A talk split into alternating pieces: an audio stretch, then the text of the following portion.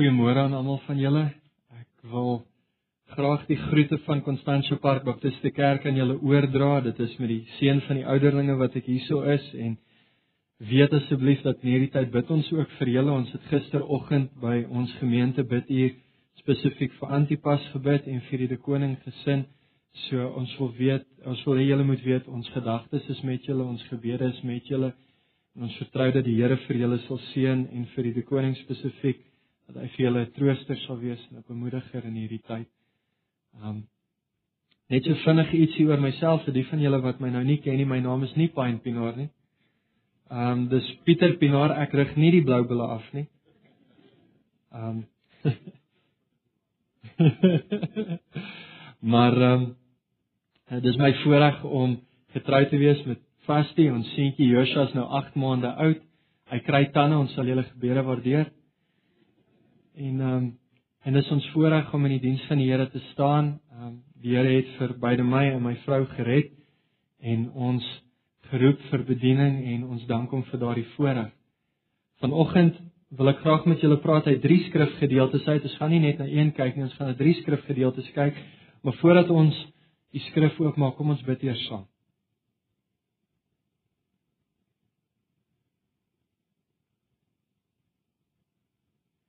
Ons wonderbare Vader, ons dankie vir u genade en vir u liefde want u sê in u woord dat u genade is elke môre nuut. En daarom het die Here Jesus Christus vir ons gesê dat ons met ons nie kwel oor môre nie want elke dag het sy eie moeilikheid en hy sal seker maak dat daar dag vir dag genade genoeg vir daardie dag sal wees. En ons prys U daarvoor.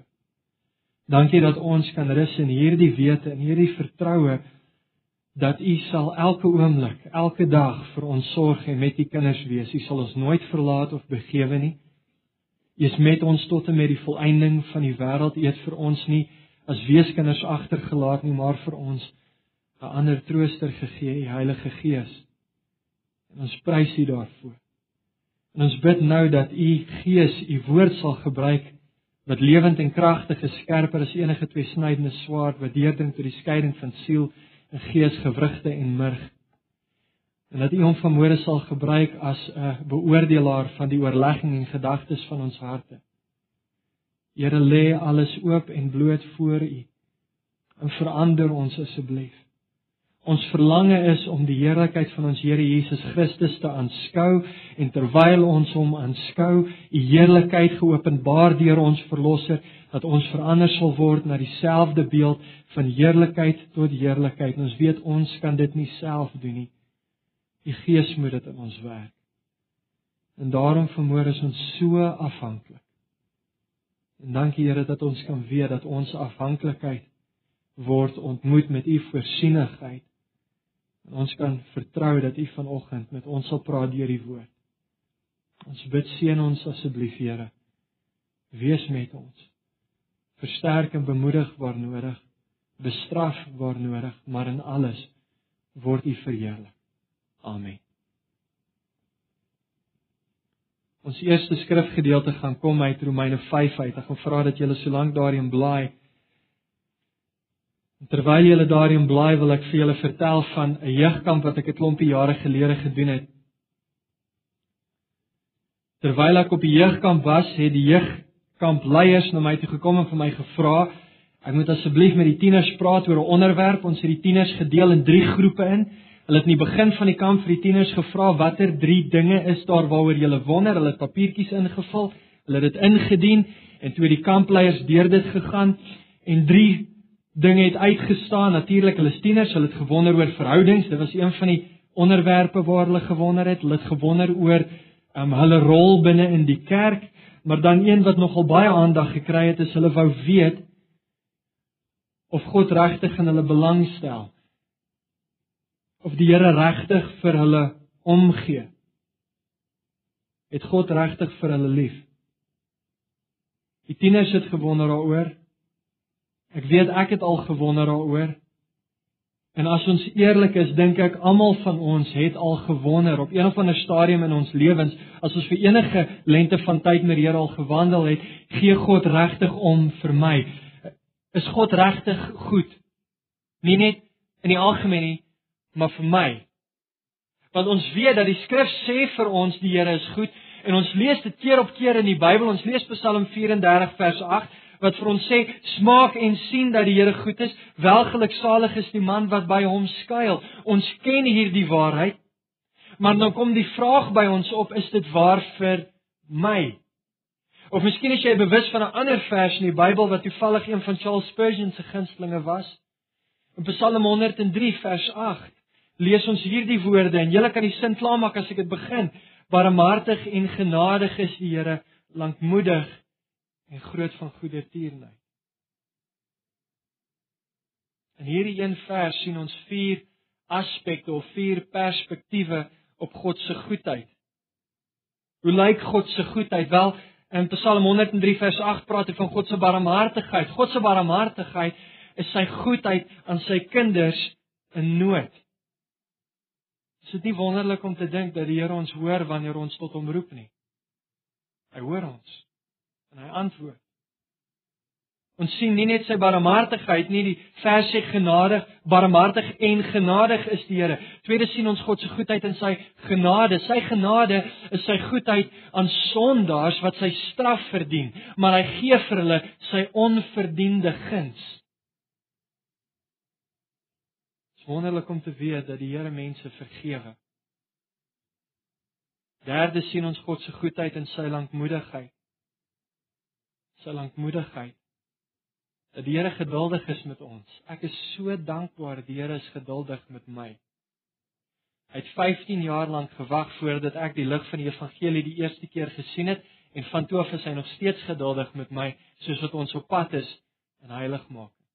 Maar die Here is lankmoedig met ons. Hy's geduldig. Maar dis hierdie laaste perspektief waar ons soms wonder. Sy goeie tierenheid. Of as jy 'n nuwe vertaling het, sy liefde sy liefde. Wat beteken God se liefde? Wat beteken dit as ons sê God het ons lief? Al Jack Cottrell het vir my 'n mooi definisie gegee. Daar is ander, maar hierdie is vir my baie mooi.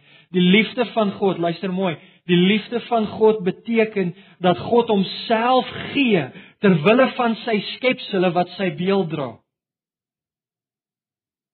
Dit is sy onselfsugtige sorg vir hulle wat hom dryf om op te tree ter wille van hulle, luister na hierdie woord, ewige vreugde en voorspoed.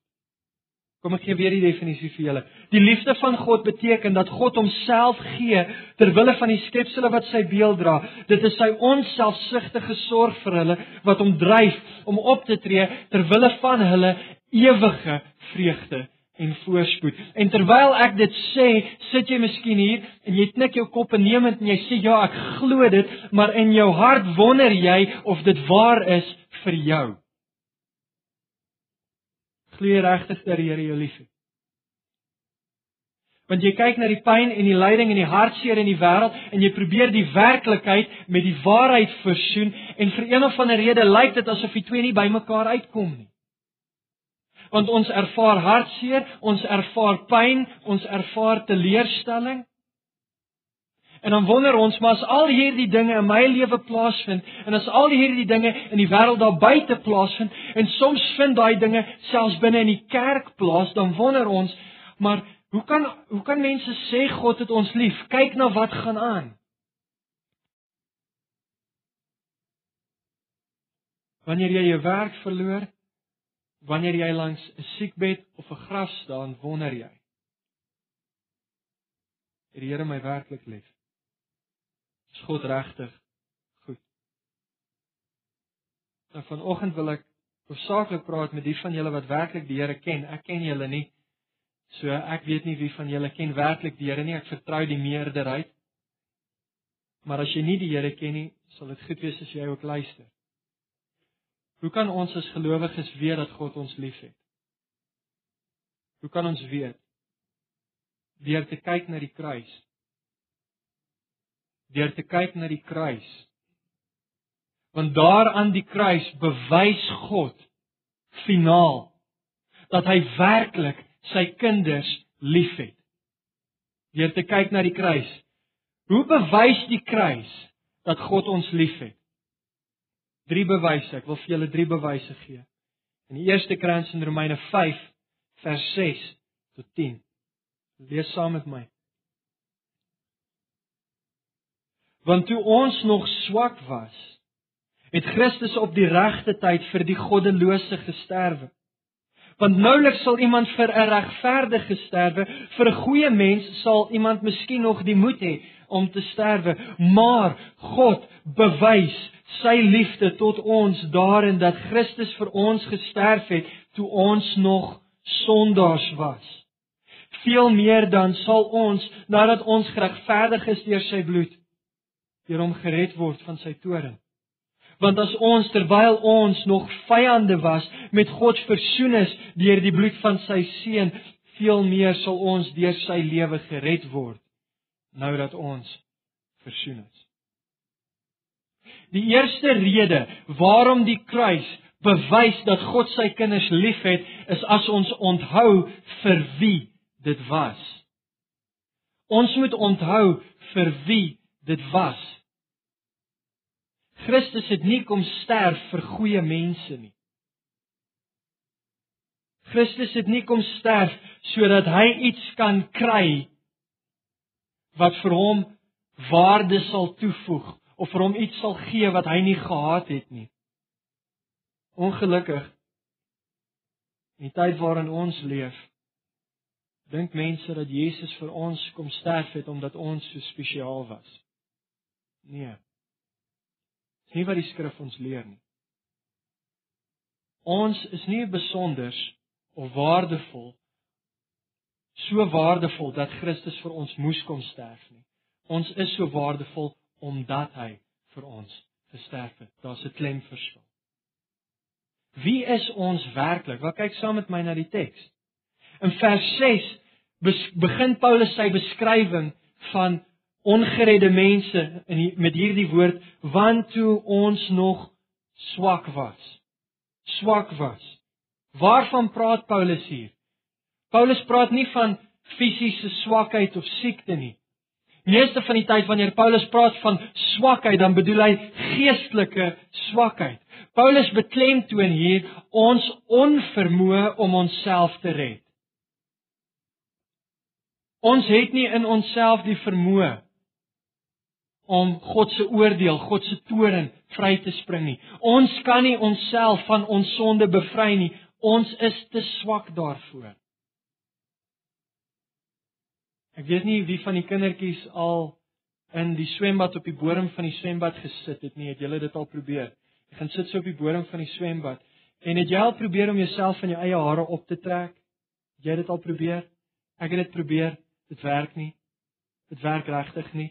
Jy kan jouself nie uit die water uit optel nie. Nou op dieselfde manier, ons kan nie onsself uit ons sonde uittel nie. Ons het iemand nodig wat van buite af kom, sy hand insteek en ons uithelp want ons kan dit nie vir onsself doen nie. Ons is te swak daarvoor. Om die waarheid te sê, in Efesiërs 2 vers 1 herinner Paulus ons dat ons is nie net swak geestelik nie, ons is geestelik dood. Ons is geestelike lyke. Ons kan onsself nie help nie. Hoekom nie? Hoekom nie? Wel kyk na die res van die beskrywing. Kyk na die res van die beskrywing. Vers 6 gaan aan want toe ons nog swak was, het Christus op die regte tyd vir die goddelose gesterwe. Ons is nie net geestelik swak nie, die skrif sê vir ons ons is goddeloos. Sonder Christus is ons letterlik godloos. Dit beteken dat iemand wat nie die Here Jesus ken nie, leef sy lewe asof daar geen God is nie, asof daar niemand is aan wie hy rekenskap moet gee nie, asof niemand ooit vir hom tot verantwoording gaan roep en sê, "Wat doen jy?" 'n Goddelose het geen het geen ruimte vir God in sy lewe nie. Efesiërs 2 vers 1 tot 3 beskryf ons weer eens baie raak. Hy het julle lewend gemaak wat dood was deur die misdade en sondes waarin julle tevore gewandel het. Volgens die loop van hierdie wêreld, volgens die owerste van die mag van die lig, van die gees wat nou in die kinders van ongehoorsaamheid werk onder wie ons almal ook vroeër gewandel het en die begeerlikhede van ons vlees toe ons die wil van die vlees en van die sinne gedoen het met ander woorde is dit net gedoen wat in ons te opkom Maar hulle is vir ekskuus ons was van nature kinders van die toren net soos ander. Ons was goddeloos. Efesiërs 2 vers 12 sonder hoop en sonder God in hierdie wêreld. So ons is geestelik te swak om onsself te help. Ons is goddeloos wat maar die begin van ons moeilikheid is, want kyk nou wat sê Paulus verder in vers 8, maar God bewys sy liefde tot ons daarin dat Christus vir ons gesterf het toe ons nog sondaars was. So nie net is ons geestelik swak nie, nie net is ons goddeloos sonder Christus nie, ons is sondaars. Wat 'n sondaar? 'n Sondaar is iemand wat in sy wese teen God is teen die karakter en die wil van God. Is iemand wat dink, doen en praat alles dit wat God haat. Dis 'n sonde. En dis almal van ons. Dis almal van ons sonder Jesus. Sonde raak nie net dit wat jy dink, doen of sê nie. Daar's sommige mense wat dink dat as hulle ophou sondig, as hulle nie meer verkeerde goed doen nie, dan gaan hulle vir een of ander rede in God se goeie boekies kom. Of miskien as ek net kan ophou sondig en dan goeie dade begin doen, dan kan die skaal miskien in my guns begin tiep. Het jy ooit probeer om nie te sondig nie? Hoe dit gegaan? Ons is sondaars. Nie net in ons woorde nie, nie net in ons denke nie, nie net in ons dade nie in ons wese. Nou verstaan jy miskien hoekom Paulus in vers 10 sê want as ons terwyl ons nog vyande was. Ons is nie net swak nie. Ons is nie net goddeloos nie. Ons is nie net sondaars nie, maar volgens die skrif buite Jesus Christus is ons vyande van God jy's nie neutraal nie. Daar is nie 'n geestelike Switserland nie. Jy staan nie aan die buitekant en kyk in nie. Jy is deel van die oorlog. Jy het jou wapen in jou hand. Jy het die krygskreet van die vyand op jou lippe en jy storm die tempel. Ons is vyande van God. Stuart Town en dit 'n mooi lied. How deep the Father's love for us en daar is 'n lyn 'n reël in daardie lied wat sê ashamed I hear my mocking voice call out among the scoffers. Dis ons daai. So hierdie gedeelte vertel vir ons dat ons is swak, goddelose, sondige vyande van God. sien jy jouself soos wat God jou sien? sien jy jouself soos wat God jou sien? Want moet jouself asseblief nie bluf nie. Hoe God jou sien is wat saak maak. As jy doen, dan is daar hoop vir jou. Want dit is vir sulke mense wat Jesus Christus kom sterf het. Dis een van die redes hoekom die kruis so merkwaardig is en hoekom Paulus in vers 8 kan sê, "Maar God bewys sy liefde tot ons daarin dat Christus vir ons gesterf het toe ons nog sondaars was. Met ander woorde, toe ons in ons hopelose toestand was, toe ons op die verste moontlike punt van God af was, toe het God na ons toe gekom. Hy het na ons toe uitgereik. Hy het sy seun vir ons gestuur toe ons daar was. Ons het nie 'n tree nader gegee nie. Ons het nie 'n poging aangewend om op te maak vir wat ons verkeerd gedoen het nie. God het ons gered, geroep toe ons nog sondaars was. En dis hoe hy sy liefde aan ons bewys. Dis die eerste bewys van God se liefde aan die kruis. Dit was nie vir goeie mense nie, dit was vir sondaars.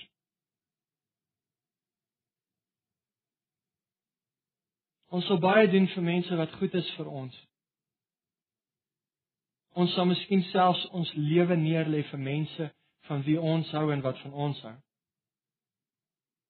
Maar God bewys sy liefde vir ons daarin dat Christus vir ons gesterf het toe ons sondaars was.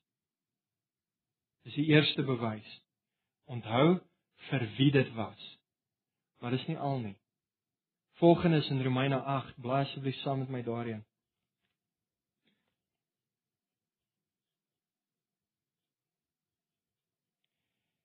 Die kruis bewys nie net God se liefde wanneer ons onthou vir wie dit was nie, Dit bewys ook God se liefde as ons onthou vir wie God gegee het. Lees saam met my van vers 31 af in Romeine 8. Want sal wat sal ons dan van hierdie dinge sê as God vir ons is, wie kan teen ons wees? Hy wat selfs sy eie seun nie gespaar het nie, maar hom vir ons almal oorgegee het. Hoe sal hy nie saam met hom ons ook alles genadiglik skenk nie? Wees dit wat vir eh, wees dit wie sal beskuldiging inbring inbring teen die uitverkorenes van God? God is dit wat regverdig maak. Wie is dit wat veroordeel? Christus is dit wat gesterf het, ja meer nog, wat ook opgewek is, wat ook aan die regterhand van God is, wat ook vir ons intree. Wie sal ons skei van die liefde van Christus? Verdrukking of benoudheid of vervolging of honger of naaktheid of gevaar of swaard soos geskrywe is om u ontwil word ons die hele dag gedood. Ons is gereken as slagskape maar in al hierdie dinge is ons meer as oorwinnaars deur hom wat ons liefgehad het. Want ek is verseker dat geen dood of lewe of engele of owerhede of magte of teenswoordige of toekomende dinge of hoogte of diepte of enige ander skepsel ons sal kan skei van die liefde van God wat daar in Christus Jesus ons Here is. Hoe begin Paulus hierdie gedeelte? Wel hy begin dit in vers 31 met 'n vraag: Wat sal ons sê van al hierdie dinge? Wat se dinge? Hy praat van die verlossing wat hy nou net beskryf het vir 8 hoofstukke voor hierdie vers hoe die Here Jesus Christus gekom het en in ons plek ons sonde op hom geneem het, hoe ons sy verlossing deelagtig kan word deur geloof. En nou kom sê, wat sal ons sê van al hierdie dinge? As God vir ons is, wie kan teen ons wees? Dis 'n retoriese vraag. Die antwoord is duidelik. Niemand nie. Niemand nie. Maar dan kom die vyand in ons eie harte in ons omstandighede en dit kom saai twyfel in ons harte. En ons begin wonder maar hoe kan ek weet? Hoe kan ek weet dat God regtig vir my is? Hoe kan ek dit weet? Vers 32 lees saam met my. Hy wat selfs sy eie seun nie gespaar het maar hom vir ons almal oorgegee. Weet jy wat maak die kruis so merkwaardig? Is nie net dat dit vir sondaars was nie, maar dat dit Jesus Christus is wat vir daai sondaars kom sterf het. Toe die Here sy verlossingsplan uitgewerk het, het hy nie net nog 'n profeet gestuur nie, nie net nog 'n koning nie, nie net nog 'n priester nie, nie net 'n Dawid nie, nie net 'n Elia nie. Hy het sy seun gestuur, die seun van sy liefde, soos wat die skrif Jesus Christus elders beskryf. Ons kan onmoontlik nie verstaan wat dit die Vader gekos het om ons vry te koop nie. Ons kan nie 'n begrip hê vir wat Jesus vir ons gedoen het voordat ons nie besef wie hierdie seun is en hoe lief die Vader hierdie seun gehad het nie. Ek wil dink daaroor. Die Vader het die seun liefgehad van voor die grondlegging van die wêreld. Voor daar 'n skepping was, was daar liefde tussen God die Vader en God die Seun en dit was 'n volmaakte liefde. Want in Johannes 17 vers 24 sê Jesus omdat U my liefgehad het van voor die grondlegging van die wêreld. En nie net het die Vader die Seun liefgehad nie maar die Seun het die Vader liefgehad. In Johannes 14 vers 31 sê Jesus maar dat die wêreld kan weet dat ek die Vader liefhet en doen net soos die Vader my beveel het. Daar was volmaakte liefde tussen Vader en Seun. As jy gedink het dit is moeilik geweest vir Isak aardse vader. Ag uh, vir Abraham, aardse vader om vir Isak, aardse seun te offer. Dink net vir een oomblik. Dink net vir een oomblik. Wat het God gekos het om die seun van sy ewige volmaakte liefde te offer? Teen die einde van die Anglo-Boereoorlog het Delaray saam met van sy vriende om 'n kampvuur gesit en hulle het begin praat oor al die ere wat die Britse bevelvoerders sou kry as hulle by die huis kom. Sommige het gesê hulle gaan titels kry, ander het gesê hulle gaan geld kry, ander het gesê hulle gaan grond kry. Uiteindelik toe dit stil raak het Delaray gepraat en hy het gesê oor Lord Roberts sou enige van daardie dinge vir hom saak maak nadat hy sy seun verloor het. Net ek weet hoe hy voel. Want ek het ook my seun in hierdie oorlog verloor. En ek weet Roberts sou graag al sy ere laat vaar as hy sy seun kon terugkry. Ek dink hieroor. God het nie sy seun verloor nie. Hy het hom gegee. Hy het hom gegee. Kon God iets groter gee. Kon die Here vir ons iets meer gegee as sy seun. Hy wat self sy eie seun nie gespaar het nie, maar hom oorgegee het vir ons almal. Julle wat? Ons het partykeer die eienaardigste manier om te meet of God vir ons lief is of nie as ek hierdie werk kry, dan sal ek weet die Here het my lief. As ek hierdie huis het, dan sal ek weet die Here het my lief. As ek van my skuld ontslae kan raak, dan sal ek weet die Here het my lief. As ek hierdie kar kan bestuur, dan sal ek weet die Here het my lief. As my gesondheid net kan verbeter, dan sal ek weet die Here het my lief. As my huwelik of my kinders net beter was, dan sou ek weet dat die Here het my lief. En ons het al hierdie dinge asof daardie dinge meer waardevol is as Jesus. Dink vir 'n oomblik daaroor.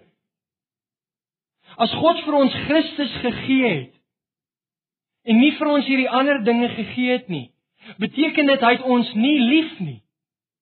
Nee. Hy het sy beste vir ons gegee. Daar is niks meer kosbaar as Jesus nie. Bewys ons beproewinge dat God ons nie liefhet nie.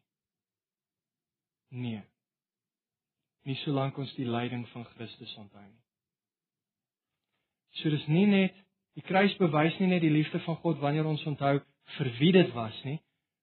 Dit was swak, sondige, goddelose vyande van God en dit bewys nie net God se liefde as ons onthou vir wie God gegee het nie, sy eie seun, die seun van sy ewige liefde, maar dit bewys ook die liefde van God derde punt wanneer ons onthou wat dit bereik het.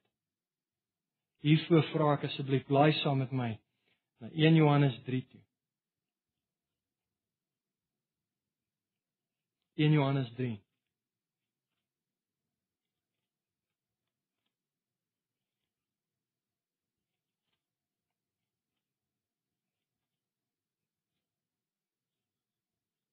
Wat het Christus vir ons in die kruis bereik?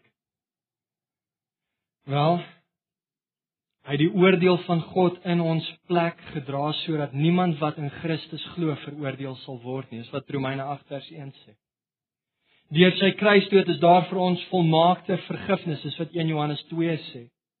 In sy opstanding het God vir ons wat dood was in ons sonde, nou lewend gemaak saam met Christus, sodat ons nuwe lewe, ewige lewe, sê Efesiërs 2 vers 1 tot 10. En as gevolg van Christus se verdienste word ons wat vroeër vyande was nou mede erfgename saam met Christus, maar nou wil ek net op een ding fokus, net net een ding vir vanoggend. Daar's baie, maar kom ons kom ons kyk net na een. God neem sy vyande en hy neem hulle aan as sy kinders. Lees saam met my 1 Johannes 3 vers 1. Kyk wat 'n groot liefde die Vader aan ons bewys het dat ons kinders van God genoem kan word. Om hierdie rede ken die wêreld ons nie omdat dit hom nie geken het nie. Geliefdes, nou is ons kinders van God. En is nog nie geopenbaar wat ons sal wees nie. Maar ons weet dat ons as hy verskyn aan hom gelyk sal wees omdat ons hom sal sien soos hy is.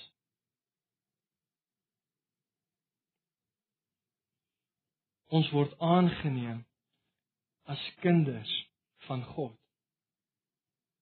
Onthou ons eerste beskrywing. Hy praat hier van sondaars. Hy praat hier van mense wat gerebelleer het teen God, wat vyandig gesind was teen God. Hy praat hier van mense wat met hulle wapens in hulle hande en die vyand se krygskreet op hulle lippe, sy kasteel bestorm. En dan wat God doen, is hy maak die poorte oop. En wanneer ons sy kasteel binne stroom en en probeer uitwerk maar wat gaan aan? Kom die Here self na ons toe en hy vat die wapen uit ons hande uit en hy vat ons vuilkleed en hy trek dit uit en hy vat die kleed van sy seun Christus en hy trek dit vir ons aan en hy nooi ons wat vroeër teen hom was om nou saam met hom te gaan sit aan sy tafel en ons gaan sit daar nie net as gevangenes nie. Ons gaan sit daar nie net as vriende nie ons gaan sit daar as deel van God se familie as sy kinders sy aangenome kinders. Dink vir 'n oomblik daaroor. Dat God sulke sondaars deur die kruisdood van sy seun aanneem as sy kinders. Sodat ons nou kan bid. Ons Vader. Sodat ons nou kan ervaar hoe hy vir ons sorg. Hy vir ons omgee waar hy vir ons voorsien, waar hy ons bewaar. Die kruis bewys die liefde van God as ons onthou wat dit bereik het. Is deur die kruis wat vyande van God nou kinders van God word. So die volgende keer wat jy wonder iets sleg gebeur, jy word teleurgestel, Jy kry nie wat jy wou hê nie.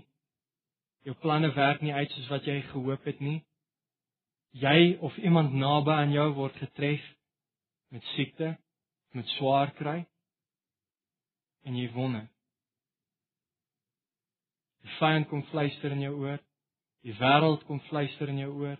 Jou eie sondige vlees kom fluister in jou oor en sê vir jou: "Kyk hierna. Hoe kan jy dit? met die liefde van God versoen. Net vir 'n oomblik, skuif jou perspektief. En kyk vir 'n oomblik weg van jou omstandighede af. Na die kruis van Jesus Christus toe. En daar sal jy sien waar God sy liefde vir ons bewys. Daar waar Christus vir sondaars sterf. Nie vir goeie mense nie, vir sondaars. Daar is nie goeie mense nie.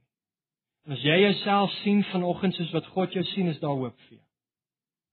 Want is vir sulke mense wat Jesus kom sterf het.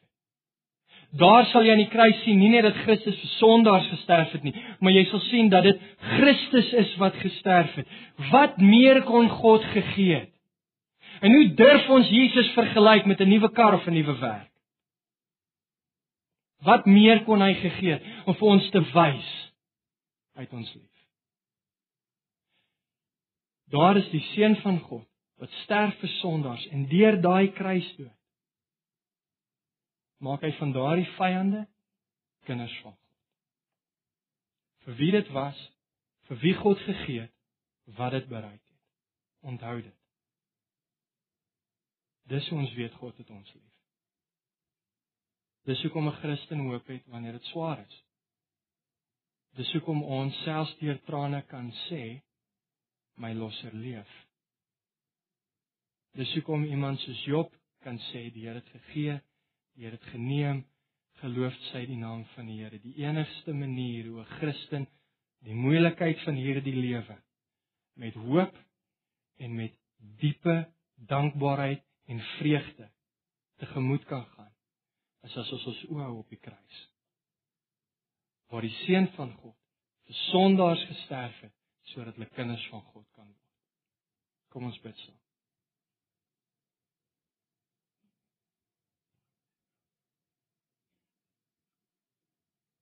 Vader, ons bely dat ons ervaar nie nou hier op aarde alles waarvoor ons gehoop het nie.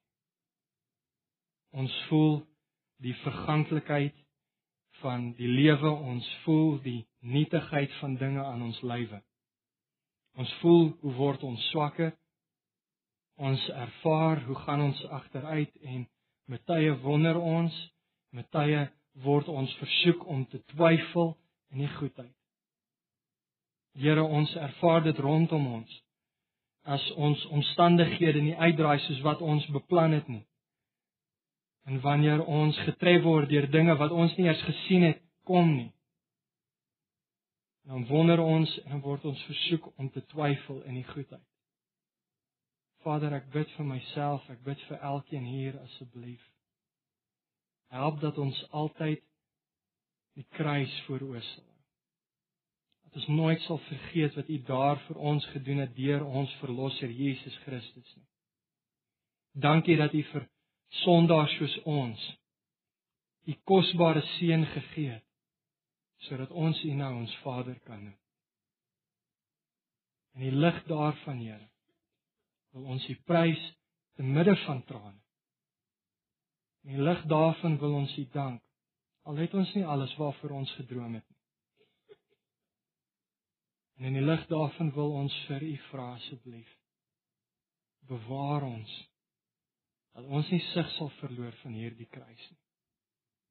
Ek bid vir elkeen wat moontlik U nie ken nie en wat hier sit en wat die evangelie al gehoor het, maar tot dusver het dit nog nie hulle diep in die hart getref soos op die dag van Pinkster nie. Ek bid Here asseblief, breek harde harte.